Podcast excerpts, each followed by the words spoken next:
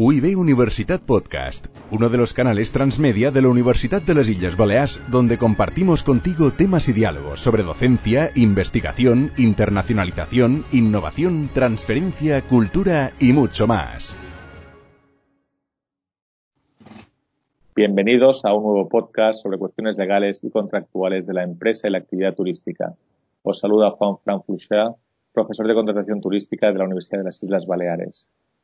Para abordar la cuestión de los seguros de viajes y las coberturas a los viajeros, contamos con Carlos Yuk, corredor de socio y director técnico en Yuk and Huelic, Correduría de Seguros. Bienvenido, Carlos. Hola, muy buenas tardes.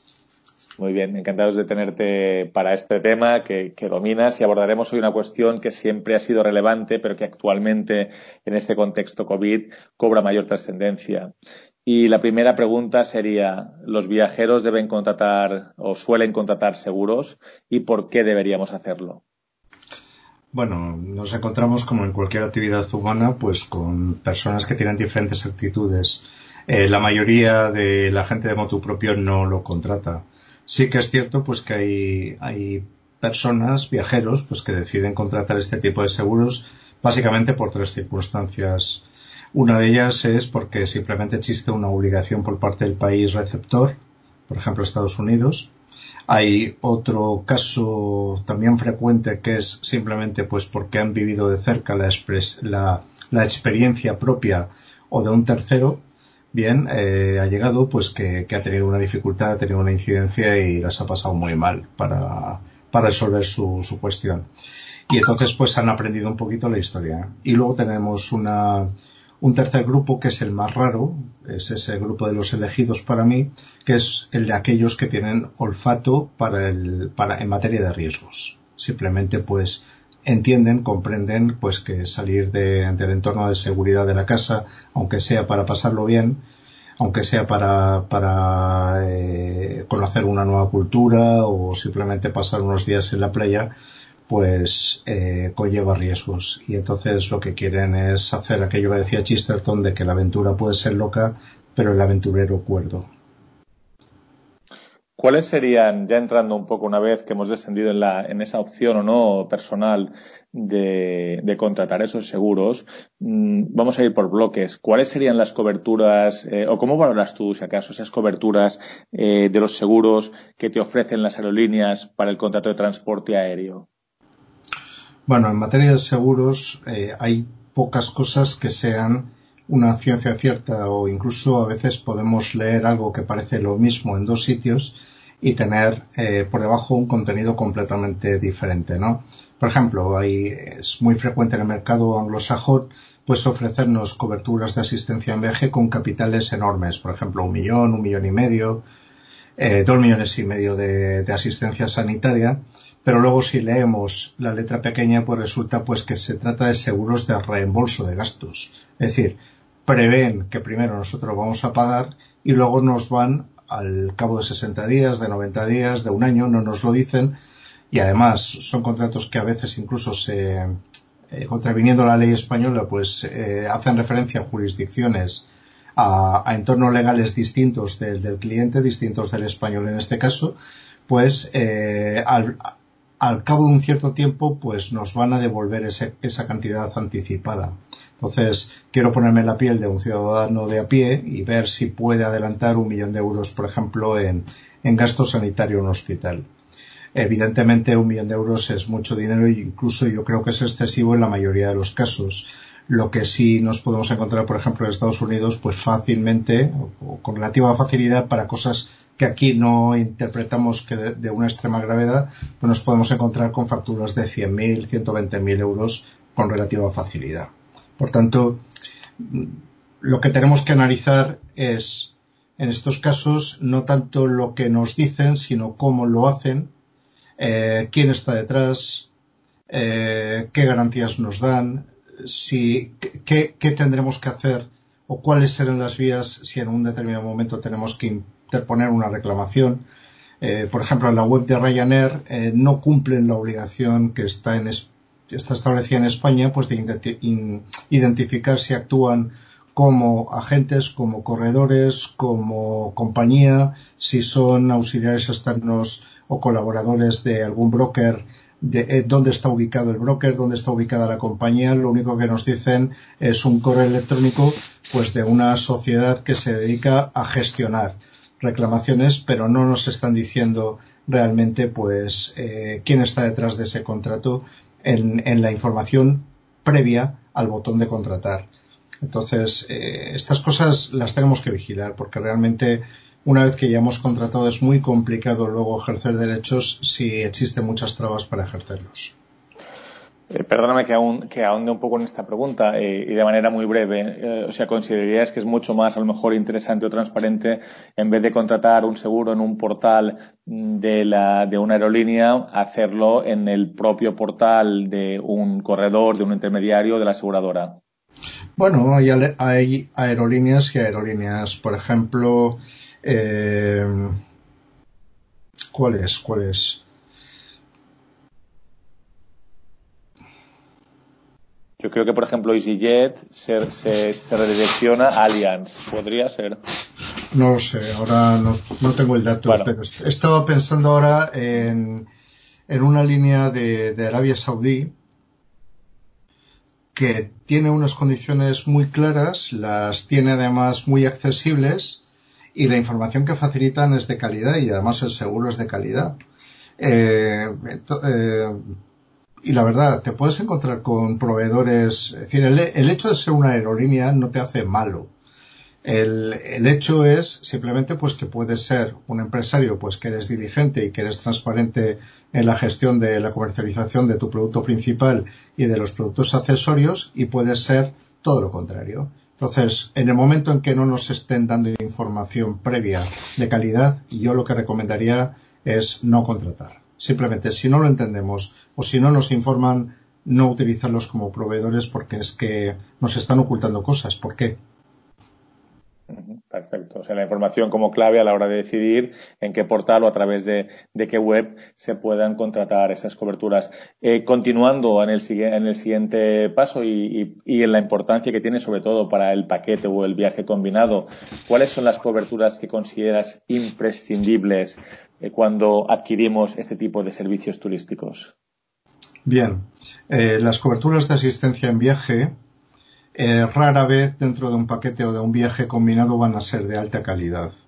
Para empezar, porque el paquete está compitiendo en hotel, está compitiendo en el medio de transporte, en autocares, por ejemplo, en los vuelos, las horas, las conexiones, eh, está compitiendo con los guías, el precio de los guías, hasta la manutención dentro de un paquete un viaje combinado vamos a tener ahí cada elemento de esos está jugando en contra de la, de, la decisión del cliente, simplemente porque está compitiendo con el que ofrecen otros operadores, ¿verdad?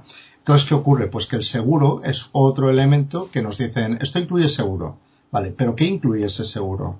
Pues es muy complicado que la agencia de viajes nos lo diga. De hecho, en los últimos 10 años, en asistencia en viaje, las agencias de viajes siempre se llevan en el servicio de reclamaciones de la Dirección General de Seguros el mismo varapalo. No han informado acerca del contenido del seguro. Y eso genera muchos conflictos. Eh, ¿Qué es lo que tendríamos que vigilar que tuviera? Pues desde luego una garantía de asistencia sanitaria adecuada al tipo de viaje y al entorno eh, geográfico y geopolítico, incluso diría, al que vamos a viajar, el tipo de viaje, no es lo mismo irse de crucero, eh, imaginemos lo que cuesta un rescate en alta mar, ¿verdad? Si estamos en mitad del Mediterráneo y tiene que venir un, un helicóptero a rescatarnos para llevarnos a un hospital de urgencia, pues eso vale un montón de dinero. ¿Para qué nos va a servir una cobertura de 3.000 euros? O que simplemente no incluya esos desplazamientos aéreos de urgencia. Eh, lo que quiero decir es, con eso es que tenemos que vigilar no tanto eh, de qué calidad son las almohadas del hotel, que al final y al cabo dormiremos mejor o peor, pero dormiremos, como lo que nos podría ocurrir en caso de tener un incidente durante el viaje y que ahí las cosas no funcionen. Por tanto, el, el seguro no es un commodity, no es un elemento sin importancia dentro de un paquete de viajes, sino que debería ser algo que merezca y merece la atención pues del viajero. Pensemos además que no solamente estamos a veces viajando solos, sino con otras personas. Entonces, niños o personas mayores o personas, por ejemplo, que tienen una enfermedad preexistente que suele estar excluida en este tipo de, seguros, pues van a generar riesgos distintos. Tenemos que valorar todo eso, un embarazo, por ejemplo, pues tenemos que valorar esas cositas antes de, comprar ese viaje y, ver si lleva ese tipo de coberturas eh, útiles dentro del paquete.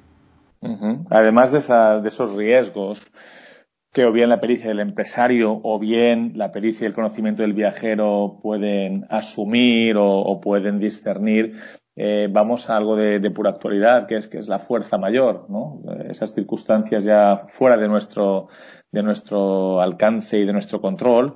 Y la pregunta es eh, ¿Cómo se, se, está tratando, se ha tratado la fuerza mayor en este tipo de productos aseguradores para, para los viajeros? Sí, la fuerza mayor normalmente en este tipo de contratos, y, en esto quiero resaltar una cosa, y es que este tipo de contratos se construyen sobre una arquitectura de riesgos nominados. Es decir, la compañía de seguros nos dice, te voy a cubrir A, B, C, D, E, y lo que no te está diciendo no te lo cubre. Aparte de eso, dentro del ABCDE te dice, y si además resulta que se combina con esto con lo otro, pues no te lo cubro. ¿verdad? O te lo cubro hasta tal importe, o te lo cubro hasta tantos días, es decir, nos pone reglas de juego. La fuerza mayor es muy complicado encontrarla dentro de un seguro de, asistencia en viaje, a no ser que sea a favor de la compañía de seguros. Me refiero a que, por ejemplo, cuando la compañía de seguros se ve imposibilitada para eh, ejecutar la garantía que, a la que tiene derecho el cliente, por una situación de fuerza mayor, pues entonces dice, bueno, yo me lavo las manos simplemente porque no he podido, no he podido cumplir mi compromiso, ¿verdad? Y con eso lo que pretende es evitar una reclamación. Eh, que el cliente tenga eh, cobertura en situaciones de fuerza mayor eh, tiene un matiz importante y es que para que sea fuerza mayor tenemos que tener por una parte que efectivamente es una situación completamente ajena al control del asegurado, ¿verdad? Pero por otra parte se tiene que dar otra situación y es que no tiene que ser previsible. ¿Qué ocurre? Pues que en los contratos de este tipo de seguros, el asegurador, la parte profesional, sí ha tenido en cuenta toda una serie de situaciones que aunque sean muy infrecuentes, sí las tiene previstas. Por ejemplo, el tema de epidemias y pandemias, que ahora estamos en ello, el tema, por ejemplo, de erupciones de volcanes, acordaos de las cenizas del volcán islandés de nombre impronunciable que provocó la paralización de un montón de vuelos en el norte de Europa. Eh, podemos encontrarnos ahí, por ejemplo, la declaración súbita de guerra o situaciones que, escapan del control efectivamente del asegurado, eh, que podrían ser de fuerza mayor, pero que al incluirlas dentro del contrato la compañía de seguros pues dejan de ser de tal fuerza mayor, sino simplemente riesgos excluidos por completo. Eh, bien, eh, ya yendo a estas cuestiones de, exclusión y de lo que el seguro eh, no, no, cubre, te preguntaría cuáles son esas, y por lo tanto hay que prestarle muchísima atención, cuáles son esas cláusulas de exclusión que perjudican a los viajeros y que por lo tanto la lupa y la atención tiene que ser máxima. Sí, Ahí tendríamos básicamente dos tipos de, situaciones que, generan problemas graves. Uno es las cláusulas de exclusión y otra, y otra digamos, sería el, el hecho de que he comentado antes de que estamos ante contratos de riesgos nominados. Es decir, un riesgo que no sea nominado, que no sea indicado expresamente como cubierto, es una exclusión per se. Me voy, por ejemplo, eh, hay una compañía de seguros muy grande en España, pues que hace seguros de viaje. Esta compañía de seguros, pues te cubre eh, el robo de equipajes si se facturan en vuelo. Pero ¿qué ocurre si ese robo de equipajes se produce en una estación de autobuses o en una estación de tren o a pies de un taxi? Pues que no hay cobertura simplemente porque la cobertura que dan es exclusivamente en caso de ser facturado en una aerolínea. Bien. Eh, luego podemos encontrarnos exclusiones como, por ejemplo, eh, la aseguradora nos dice, sí, yo te voy a eh, cubrir los gastos de asistencia sanitaria, pero, por ejemplo, no te voy a cubrir que viajes para recibir asistencia sanitaria. Por ejemplo, turismo sanitario. No voy a pagarte el, el viaje o no te voy a pagar, por ejemplo, consecuencias de que vayas a Turquía, por ejemplo, a hacerte un implante de cabello. No. No voy a cubrirte, pues, eh, que vayas a cierto país, por ejemplo, porque ahí hay, eh, no sé, eh,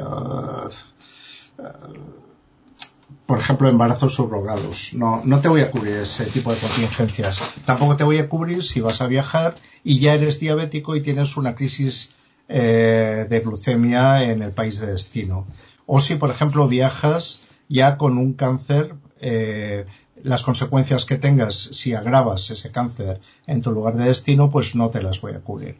Estas, por ejemplo, son muy frecuentes. Luego tenemos exclusiones también muy frecuentes en materia de deportes o de prácticas deportivas. Por ejemplo, hay muchísima gente que se va al Caribe y eh, se mete en una lanchita y se va a hacer una sesión de buceo. Vale. ¿Qué ocurre? Pues que ese buceo está excluido en casi todos los contratos de seguro. O eh, va a hacer una excursión eh, con caballos.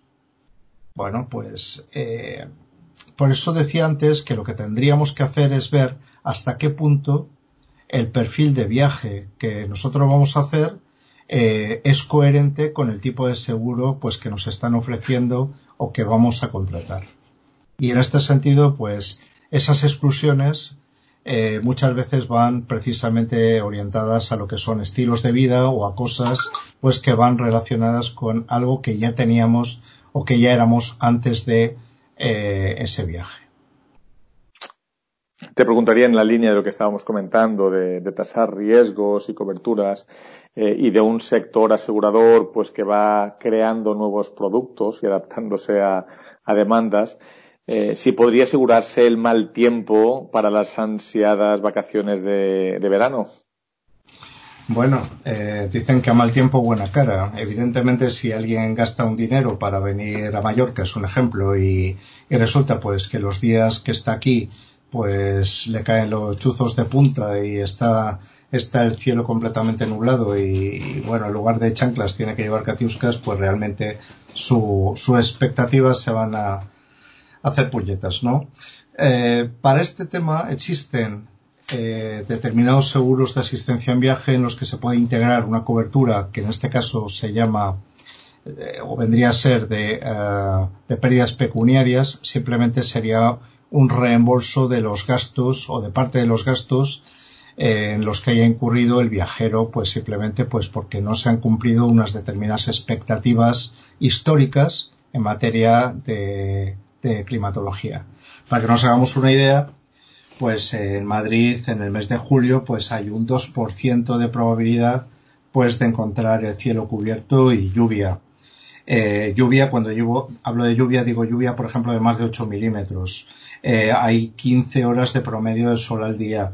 en Mallorca, por ejemplo, en Palma tenemos en el mes de julio un histórico a 10 años de 0,5 días eh, sin, sin sol. Por tanto, alguien que tenga un paquete de una semana ya sería, vamos, muy mala suerte que le pille toda la semana sin sol. Eh, lo que quiero decir con esto es que, el, asegurador puede disponer de datos estadísticos con los que resolver este tema. Otra cosa que puede hacer el, el, seguro relacionado con este tema es dirigirse, por ejemplo, al hotelero. Bien, y entonces el hotelero puede garantizar a su cliente ya no a través de seguro de asistencia en viajes, sino a través de otro tipo de seguros que se llama No Redemption. Y entonces lo que hace el asegurador es decirle al hotelero, muy bien, tú asumes, eh, por ejemplo, una parte, imaginemos que asumes hasta eh, 50 clientes a los que tú vas a arreglarles unas vacaciones iguales que las que han disfrutado si eh, se encontraran con una meteorología adversa. Y yo te voy a cubrir los que excedan de estos, el exceso de pérdidas que puedas tener si resulta que tus más de 50 clientes tuyos necesitan ese tipo de, de, prestación. ¿Vale?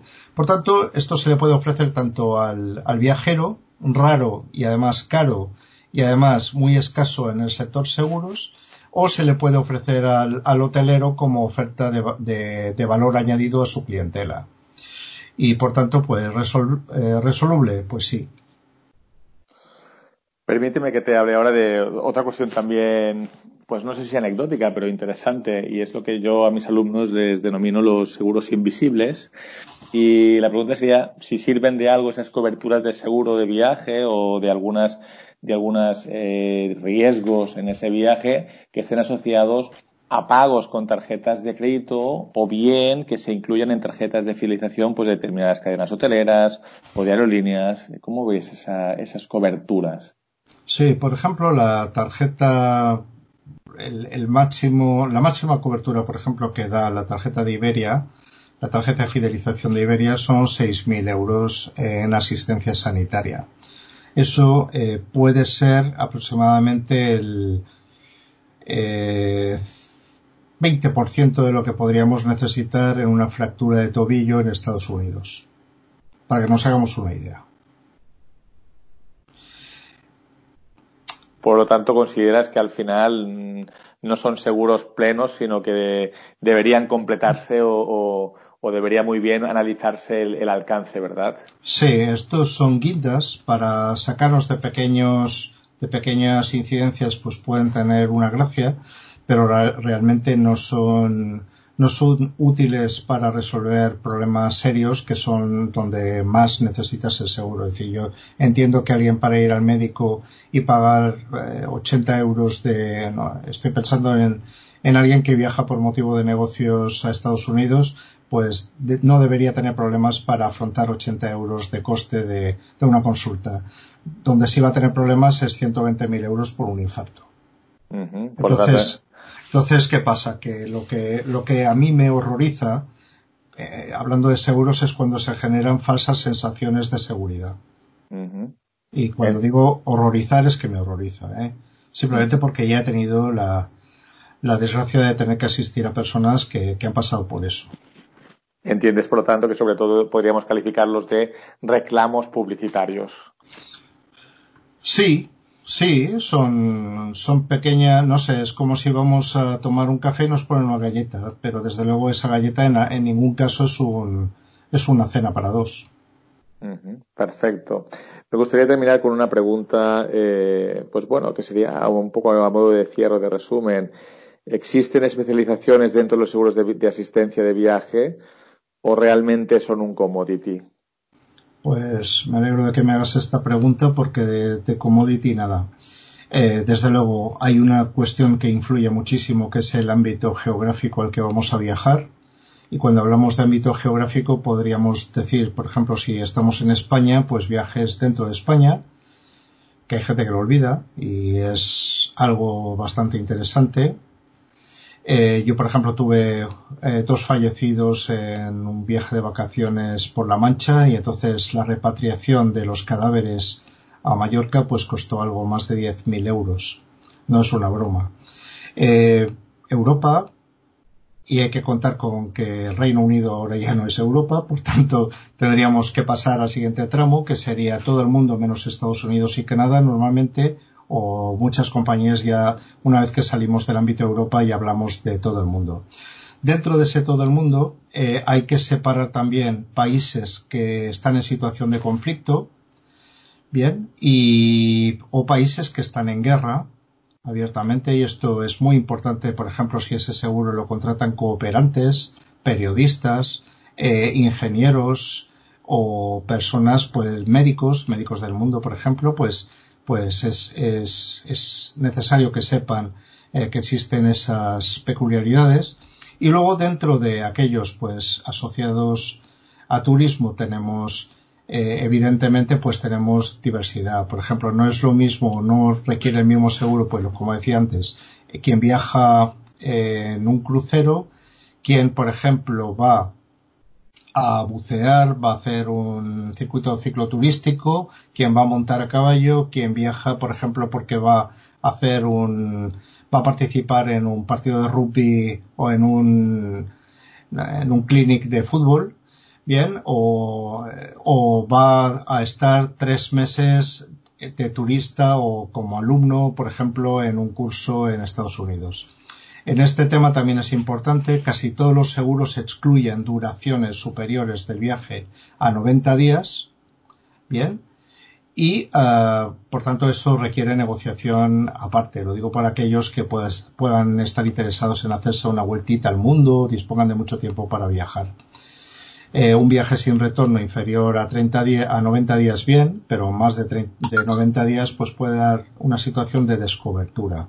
También hay uh, viajes de negocios o viajes de asistencia a congresos, viajes de Erasmus, bien, que están muy, muy, muy especializados en, en lo que necesitaremos como cobertura, porque, por ejemplo, nos pueden dar cobertura hasta de, de la pérdida del coste de clases o el envío, eh, por ejemplo, para una empresa, el envío de un ejecutivo alternativo a aquel que inicialmente inició el viaje. Y ya finalmente, pues me quedarían así como, como especialización, pues seguros que están hechos para personas que están desplazadas eh, temporalmente de largo plazo fuera de España. Por ejemplo, yo tengo muchos ingenieros, eh, pues que están en, en países del Golfo Pérsico, en la zona Caribe, en México, en Filipinas. Y bueno, y es personal pues que vive todo el año ahí. Entonces, ¿qué ocurre? Pues que les prestamos asistencia tanto en sus desplazamientos de ida y vuelta como cuando están allí, pues si tienen cualquier requisito de, asistencia sanitaria eh, o de tipo legal, eh, responsabilidad civil, hay, hay, un montón de coberturas, pero son seguros que se hacen muy, muy, muy, muy a medida. Muy bien, Carlos Yuk, pues muchas gracias y quien desde luego quiera eh, seguir tu, tu, visión crítica sobre los mercados y la protección del consumidor en Google o a través de Google podrá encontrar muchas de tus contribuciones en, en esta materia. Gracias por tu tiempo y, y, por, tu, por tu sabiduría y por lo que nos has aportado esta tarde. Muchas gracias. Muchas gracias a vosotros y espero no haber sido demasiado pesado. Muy bien, muchas gracias. gracias. Y me, me despido hasta un siguiente podcast que en el que abordaremos uno de tantos temas de contratación turística. Muchas gracias a todos.